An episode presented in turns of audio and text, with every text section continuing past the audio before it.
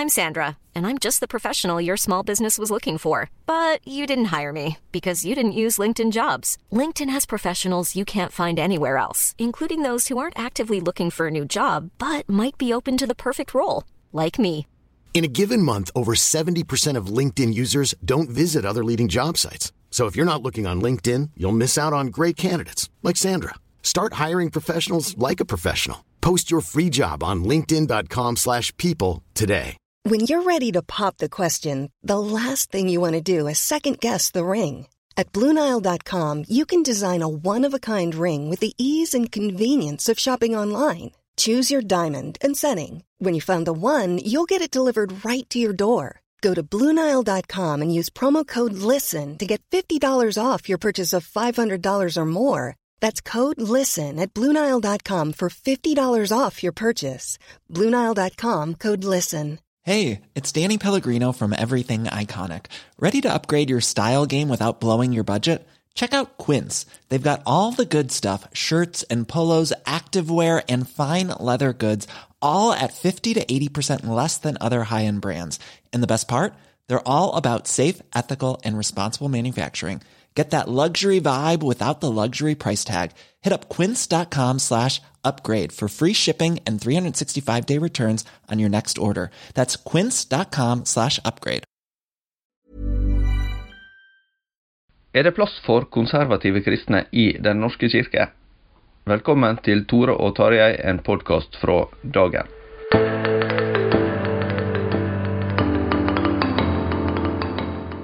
Det er vanskelig å komme utenom eh, Tarjei Gilje, at eh, det er en veldig spesiell og spennende dag vi tar opp eh, denne podkasten på. Ja, altså Nå mener jeg ikke å være frekk, men i motsetning til lytterne så kan jo jeg se deg, og det ser jo ut som du har vært oppe i natt. Eh, ja, det, det stemmer bare delvis. Eh, men, men eh, ja, jeg glemte å si Jeg heter jo Tore Hjalmar Sævik fortsatt, for de som måtte være nye lyttere. Ja, Du er altså hjemme på Sunnmøre nå? Ja, jeg er iallfall kommet til, til mine heimtrakter her, ja. Eh, og, eh, og så lever jeg samtidig litt mentalt på andre sida av Atlanterhavet, i og med at jeg har et visst ansvar for å fylle amerikanske forhold eh, i dagen. Og, eh, Du, hadde, du var jo litt sånn forsiktig spådom i forrige uke om at det kom til å gå Trump sin vei, uten at du var veldig sånn bombastisk. Eh, Hva tror du nå? Nei, nå, nå eh, Nei, jeg er veldig usikker. Men, men eh, det virker som, som Biden har et ørlite overtak når vi tar opp nå, og så får det vise seg da om dette opptaket står seg. Men, eh, men jeg er jo sånn sett eh, Det var jo så, sånn sett ikke så fjernt som en kanskje kunne tro, da. Eh, da jeg drista meg til å tro at Trump kunne komme til å vinne. Så, så det er jo eh, mange tanker en kan gjøre seg rundt det. Ikke minst eh, den debatten som oppstått i etterkant med beskyldninger om valgjuks og, eh, og eh, ja, det spenningsnivået og, og retoriske konfliktnivået som, som er der. Han har jo egentlig sagt i flere måneder at den eneste måten demokratene kan vinne på, det er hvis de Altså hvis de stjeler eh, valget. da. Så han har jo på en måte utelukket muligheten for å kunne tape på legitimt vis. Eh, ja, det handler vel kanskje litt om livsinnstilling generelt. ja, det kan du si. Eh, men eh, Nei, for det var jo veldig stor Nå, nå tar vi opp eh, torsdag morgen, og det er vel nå i sekstiden i kveld, tror jeg, er det vel vi kanskje får vite litt mer, har jeg forstått, fra Nevada og sånn, og litt mer offisielle tall. Så spør, kanskje får vi avgjørelser da, kanskje ikke. Men, men vi har jo hørt talene til de to, og det er jo virkelig to forskjellige innstillinger til valget, da. Fra Biden og Trump, det må jeg vel kunne si. ja. ja. Så det, det er fullt samtykke der. ja, jeg har ikke noen innvendinger mot det. Nei, Nei selvfølgelig så blir det vel Det blir vel noen rettslige runder, så vi helt sikkert spørs det vel eh, Jeg, jeg, jeg lurer på om det er det 14. desember at disse valgmennene faktisk skal fysisk møtes. Ja, 13. eller Eh, 14. at, eh, 13. Det er ja, det da det er som det egentlige, egentlig valget skjer. 570 valgmenn. Så det kan jo i teorien Ja, tenkes at det blir, at det blir eh, likt. Men, men det virker som altså at de får like mange. Eh, men eh, Nei, det, det blir nok avklart. Men, eh, men ikke, ikke mer vi tar opp i dag. Nei, det tror jeg vi kan være så, rimelig sikre på. så henvender vi oss nå til dagens gjest, som er Sverre Elgvin Lid. og han er styreleder i det som heter Frimodig kirke, og var intervjua her i eh, avisa i eh, forrige uke i forbindelse med at Den norske kirke lanserte en eh, rapport om arbeidsforhold for LHBT-ansatte.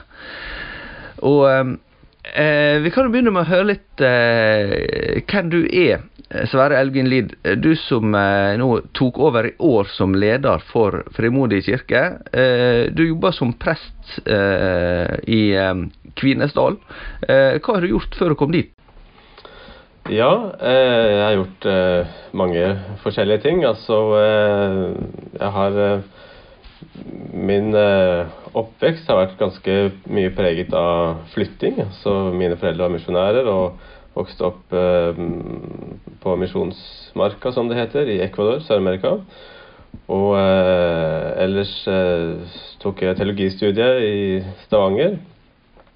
Eh, og eh, eh, har bodd da i Stavanger en del år, og, og, rett etter studiet så var jeg og kona mi på Lia gård retreatsenter. Jobbet der som en slags retreatprester, begge to. Vi ble faktisk eh, ordinert til tjeneste der, men det var jo på et vis som volonterer, da, så det var ikke en uh, lønna stilling i, i, den forstand. Men, men, vi bodde og levde der i halvannet år. Eh, og så kom vi til Sørlandet, og vi bor nå i Lyngdal. Og eh, så jobber jeg da som prest i, i eh, Kvinesdal, nærmere bestemt Feda og Fjotland sogn. Det er de liksom, nord- og sørenden av kommunen. Og så er det en kirke til her, så det er en annen som er sogneprest. Mm. Det er vel et av landets mest eh, kristelige strøk, det der? Ja, altså det å komme Jobbet jo først litt som, som prest i, i, Lyngdal. Og um, det å komme fra Østlandet til, uh, til, Sørlandet, og ikke minst uh, Lyngdal, faktisk enda mer enn Kvinesdal kanskje, Uh, det var en veldig annerledes og positivt, vil jeg si. Det er jo det kristelige livet preger jo bygdene her i veldig stor grad, men det er også store forskjeller. Altså jeg vil jo si at det er kanskje noe mer sekularisert i, i Kvinesdal enn i Lyngdal, faktisk. Selv om Kvinesdal er veldig kjent for Sarosdal og Arild Edvardsen og sånn, så er det litt sånn enten-eller, kanskje. i inntrykk av at ja, du er enten innenfor eller utenfor, eh, på sett og vis. da. Men samtidig så vil jeg jo si at også at folkekirka står jo jevnt over sterkt eh, i regionen her. Det gjør den. Mm.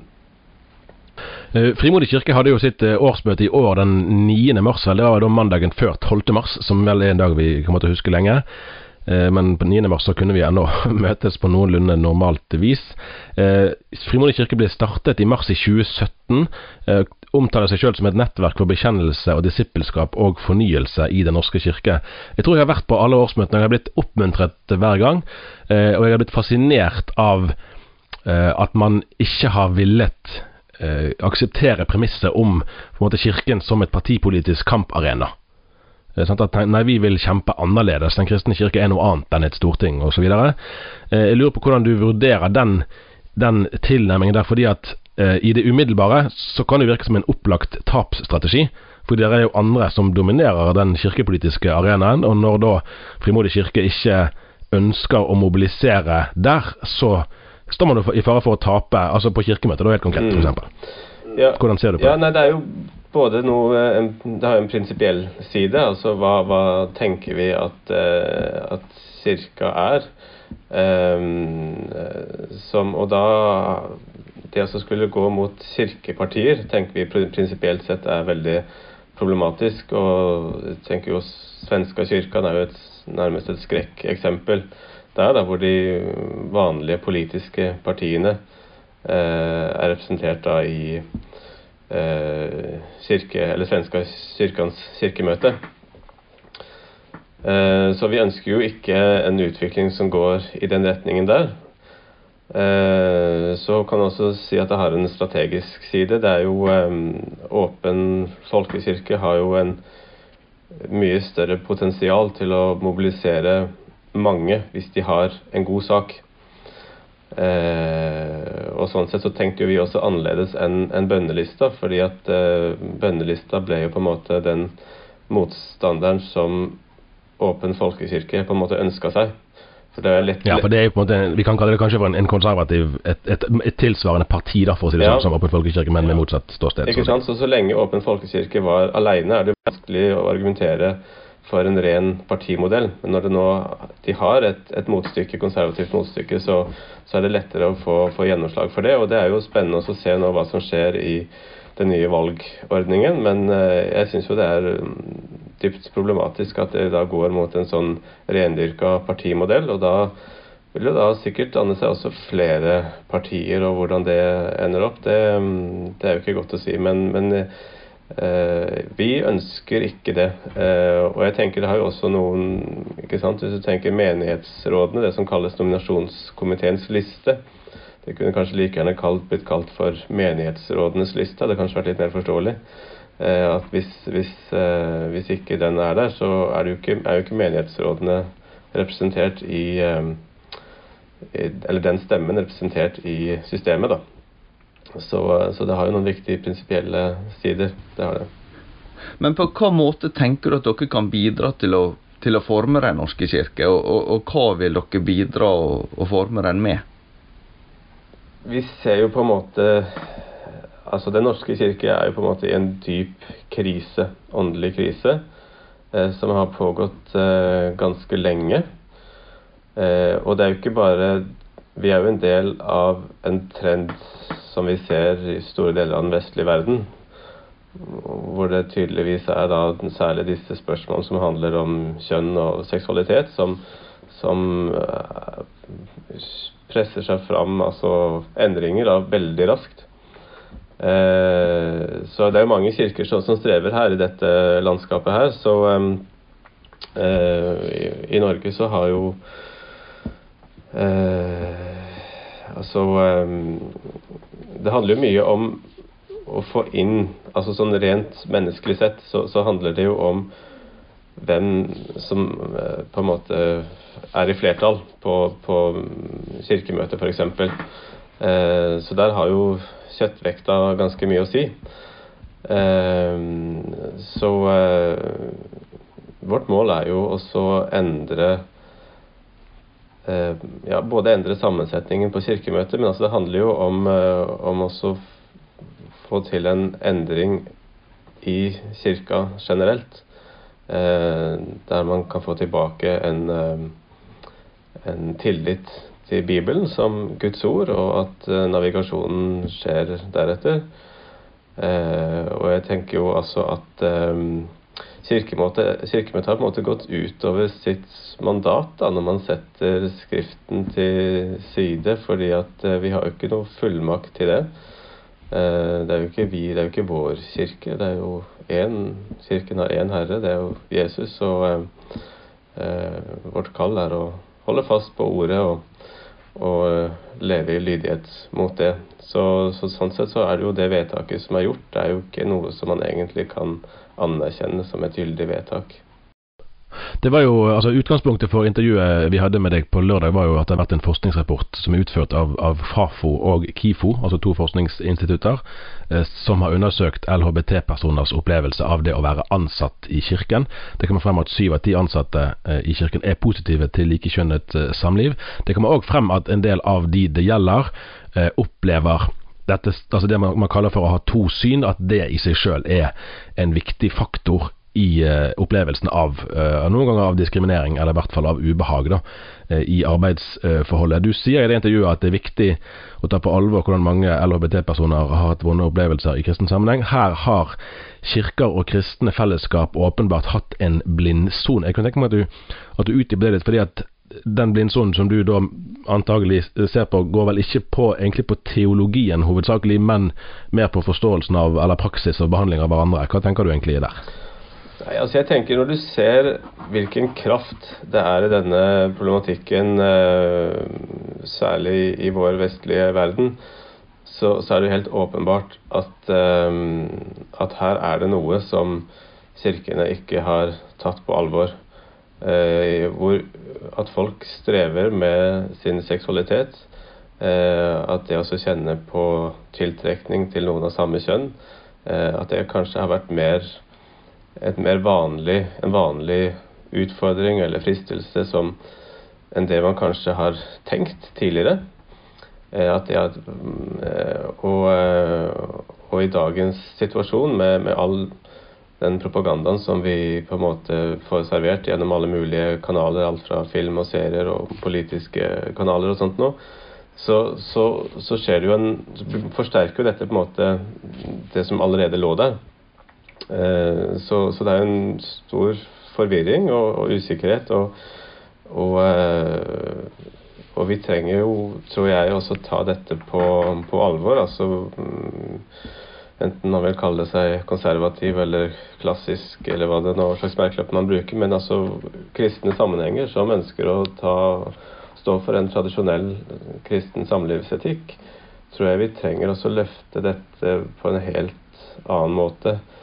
Eh, vi trenger også å ta på alvor at dette er ting som, som folk eh, strever med. Og hvis, hvis vi er tause, så og det er veldig lett å være, fordi man syns det er vanskelig å, um, å ta opp temaet, og vanskelig å vite helt hvordan skal vi møte homofile i menigheten, hvordan skal vi møte foreldre med homofile barn, eller folk som strever med ting på dette feltet. eller som har, Og vi har det jo på en måte overalt, i, i ulike eh, grad og varianter.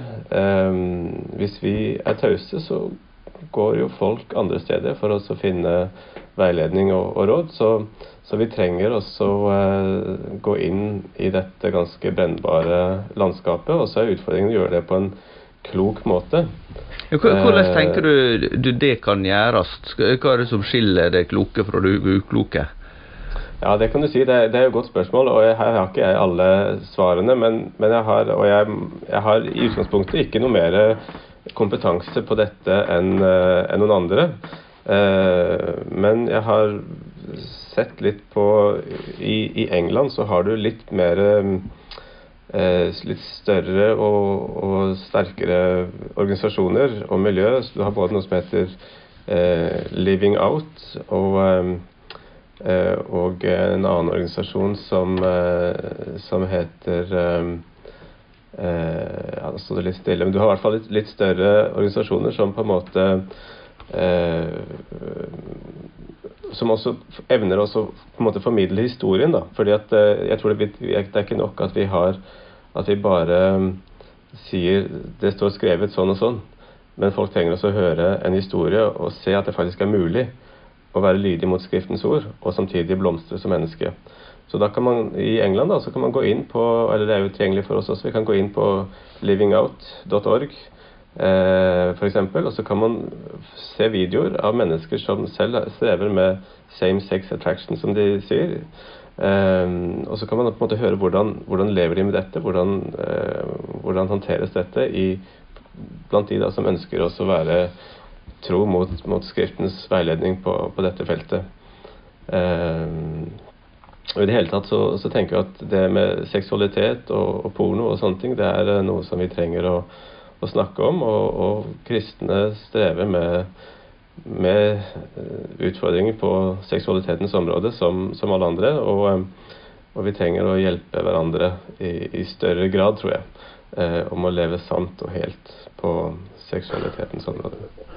Som, som, nevnt så er det jo flere av de i undersøkelsen som påpeker selve dette at altså det at Kirken har to eh, i prinsippet sidestilte syn, altså det å bli liksom, det oppleves å bli devaluert til et syn. Dette er livet mitt, vil jo da eh, kanskje en LHBT-person si.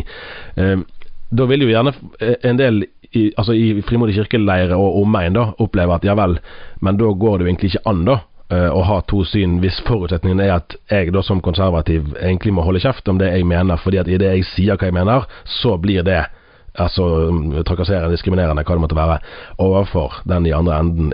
Hvordan, hvordan det var vel noe av utgangspunktet for spørsmålet, sånn hvilket rom det er for konservative i kirken. Altså Er det sånn at det, rom, det, det er kun rom for konservative hvis de er stille, da, for å si det sånn? Ja, jeg syns jo det er en tendens, det egentlig. Fordi at um, mye av det som eh, Nå har ikke jeg lest eh, hele rapporten, men jeg har kikket litt eh, på den. Og, og, det er klart, det er ikke så vanskelig å skjønne at en del av disse personene som omtales, kan føle seg diskriminert. men noe av det som kalles diskriminering, kan jo også hende at det handler om ulikt, ulikt syn på, på hva som er rett. Eh, og det er klart det, rapporten viser jo i hvert fall hvor, hvor, vanskelig det er, og nesten egentlig umulig, å leve med to motstridende syn i denne saken. Så det er klart å skulle forkynne tydelig om tradisjonell kristen samlivsetikk på, på gudstjenesten, samtidig som du har ansatte som lever på en helt annen måte, det, det skaper jo spenninger. Det, altså, det, er jo helt åpenbart. Hva tror du skjer der? Ja, det hva som jeg, Nå er ikke jeg profet, så, så jeg vet ikke hva som skjer. Nei, det er ikke vi heller, altså. altså for å si, la meg stille opp bakteppet. fordi at Kirken har jo ofte blitt kritisert for å være sånn ensidig opptatt av sex og dyneløfting og samboerskap og ulike samlivsformer. Det er liksom stadig sånne, sånne emner eh, som, som, er eh, ja, som blir omstridt og som vekker, eh, vekker, debatt og vekker reaksjoner. Eh, mitt inntrykk nå når jeg reiser rundt i Kristen-Norge, er jo egentlig at, at det er veldig få altså konservative er livredd for å kunne bli tatt på noe. da Uh, altså for eksempel hvis Oi, du har vært uh, uvøren i en uttalelse. En prest var litt Se på han her i Kautokeino nå. Sant? All oppmerksomheten der Bjarne Gustad har vært rundt, rundt det. at Inntrykket mitt er jo egentlig at de som står for et tradisjonelt syn, stort sett ønsker å være veldig forsiktige. fordi at de, de, ser hvor mye støy det blir da hvis de mm. hever stemmen. Ja, altså det er helt åpenbart. fordi at uh, du, Det er jo tydelig kor som setter i gang. Hvis, hvis man plutselig uttaler seg litt, litt, tydelig i noen brennbare spørsmål. Så, så, det er klart de fleste ønsker jo ikke den belastningen. Og dessuten så, så brenner man jo for å bygge menighet og, og, sånn. Og så blir det en, et sånt uh, slitsomt uh, sånn fokus på, på, noe som man egentlig ikke mener man står for. Man er ikke en mørkemann, eller man ønsker ikke å fordømme mennesker. men men sånn oppfattes det altså av eh, en del, hvis man er tydelig på, på en del ja, eh, standpunkt i, i, disse, i, dette landskapet her. Så, så, det er jo en, en formidabel eh, utfordring. Så um, Eh, skulle jo ønske at, eh, at Kirkens ledelse i større grad evner oss å på en måte anerkjenne at det er behov for å for å gi et tydeligere rom, og så på en måte gi støtte da, til, eh, til eh, prester og, og, andre som, som står i, i stormen, istedenfor å frata og på en måte beklage eh, offentlig en prests preken. Altså hvor ofte skjer det?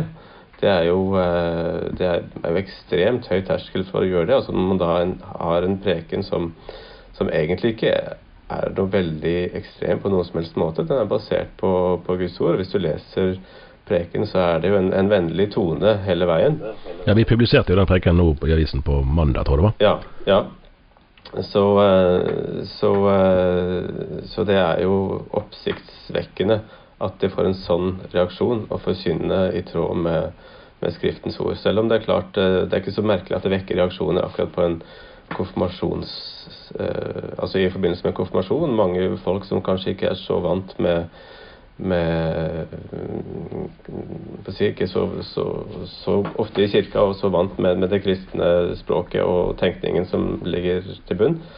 Men, uh, men likevel, jeg tenker at den reaksjonen er den er veldig spesiell. altså. Og det, det sier noe om hvor, hvor, vanskelig det er blitt når da biskoper på en måte nærmest henger ut den presten de har ansvaret for, istedenfor å støtte oss og si at han har full rett til oss å forkynne, og, og dette er basert på Skriftens ord.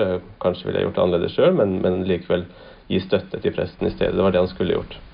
Noen vil jo fra motsatt side si at hele folkekirkeprosjektet begynner å bli så vanskelig fordi en etter sin intensjon skal betjene hele befolkninga, men at den e-, etter hvert er så lite prega av en kristen virkelighetsforståelse og innsikt i, i Bibelen. Og egentlig også sånn en forståelse av, av hva, eh, ja, hva det betyr å ha en slags eh, autoritet da, eh, i, i, eh, i, kirkelig forstand, så, som gjør at det, en heller tenker at eh, ja, kirka er en slags del av velferdsstaten, og, og Stortinget må kunne regulere hva en prest skal kunne si, osv. Eh, og, og noen vil da si at nå er folkekirkeprosjektet blitt så vanskelig at vi må heller satse utafor. Men, men, dere velger på en måte å bli i den, den spenninga, da.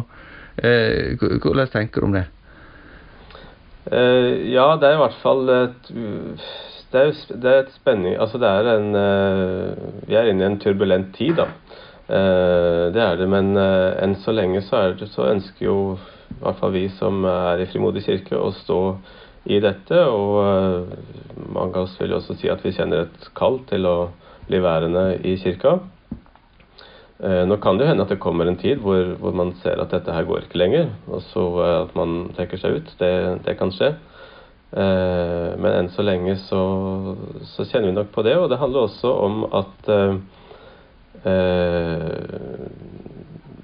mange mennesker vil jo bli hjemløse i, i sin egen kirke hvis, hvis alle de eh, kalle konservative forsvinner. Alle de prestene som står for en tradisjonell, tradisjonell eh, eh, syn på, på Bibelen og, og, og, kristen tro. Egentlig altså forkynner evangeliet, tradisjonelt forstått. Eh, hvis, hvis, alle disse trekker seg ut, så vil det mange som vil bli hjemløse, som da egentlig ikke har noe annet sted å gå. Noen vil sikkert bli med i frikirker, og enkelte kanskje i den katolske kirke. Eh, men veldig mange vil bare trekke seg stille ut og bli passive. Eh, så da tenker vi at da, da svikter vi kirka hvis vi, vi, trekker oss ut sånn. Og det skjer fortsatt veldig mye bra lokalt. Altså Her hos oss så er det ikke noe problem for meg å, å være tydelig på, på, hvor jeg står hen.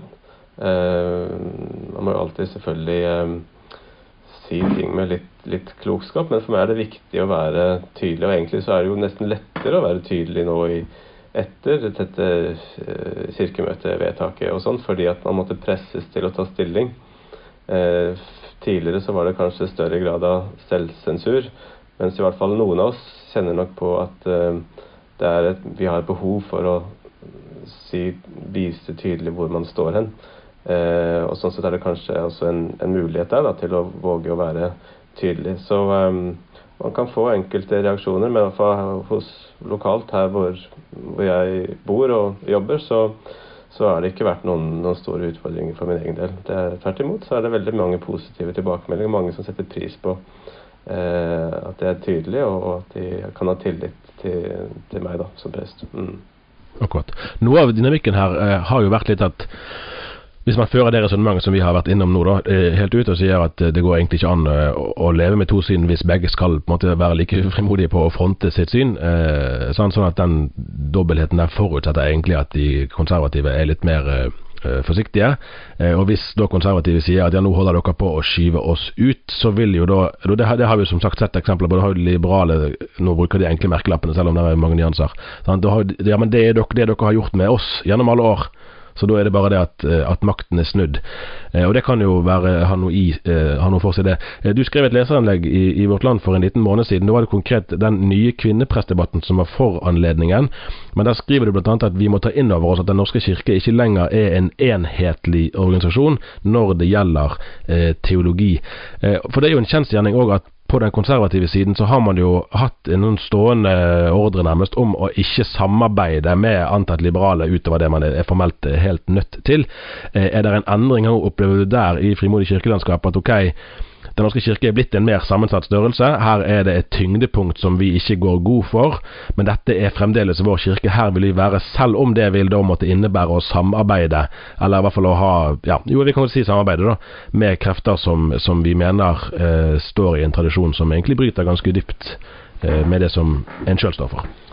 Ja, altså eh, Det som vi kanskje kunne håpe å få til, da, i den situasjonen som vi er nå, er jo at det kunne bli um, at, Altså hvis dette skal fungere, at vi skal ha to såkalte syn, um, så må jo de to ulike oppfattelsene av hva evangeliet er, de må på en måte begge to få rom. Og det jo, betyr jo at uh, menigheter og prester må få muligheten til å rendyrke litt ulike profiler. og Derfor så pekte jeg på Danmark som eksempel, der det er der, dette, der menighetene har større selvstendighet i utgangspunktet. Og det vil kanskje også er lettere å da ha en kontinuitet i en menighet ved et presteskifte. At da ikke alt eh, faller i grus som en, noen noen har bygd opp, hvis det da kommer en, en liberal prest eh, etterpå. Eh, at man kan ha en, en, kontinuitet også i teologisk profil. da.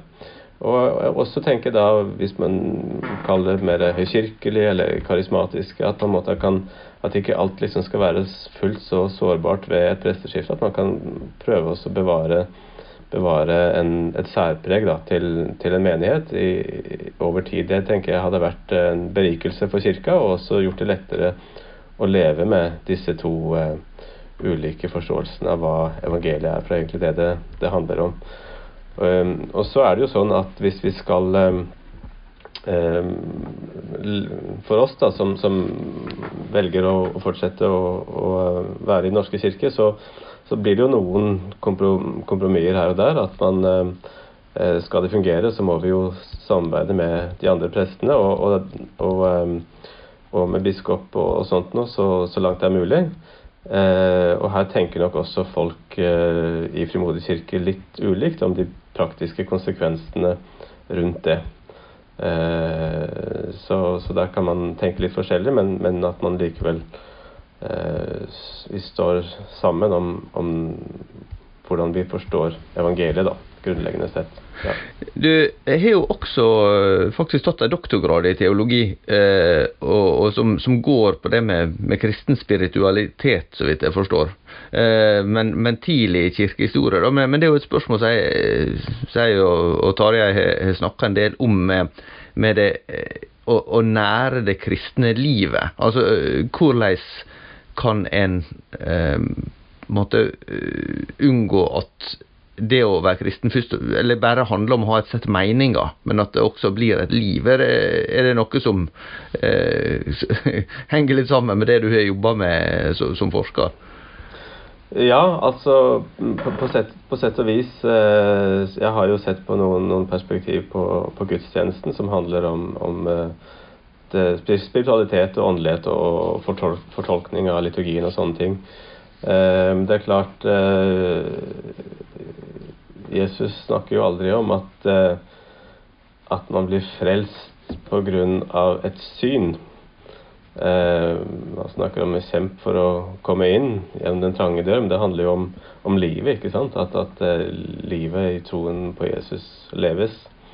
Man, og det å følge Jesus.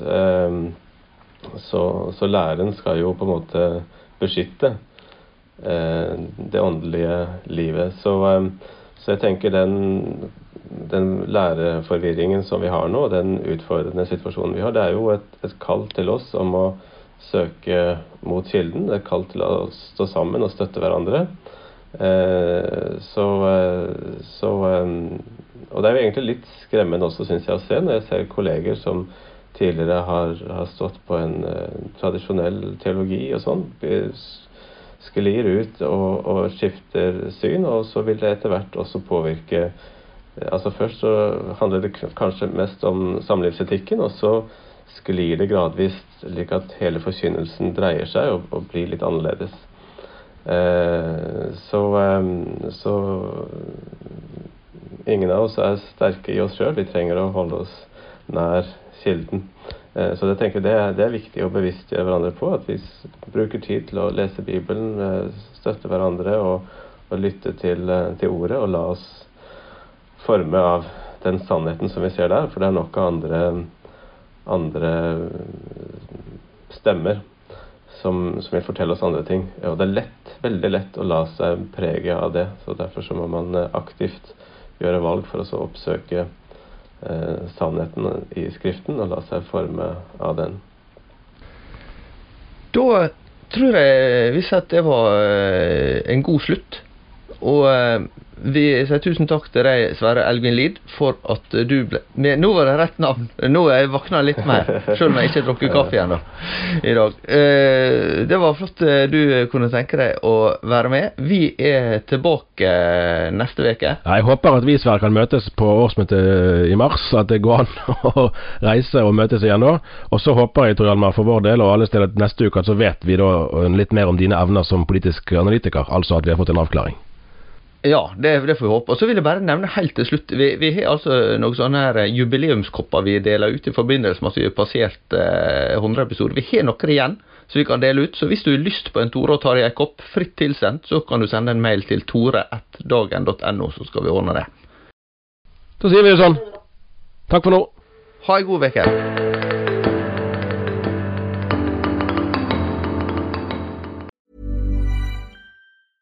A lot can happen in the next three years. Like a chatbot may be your new best friend. But what won't change? Needing health insurance. United Healthcare Tri Term Medical Plans are available for these changing times.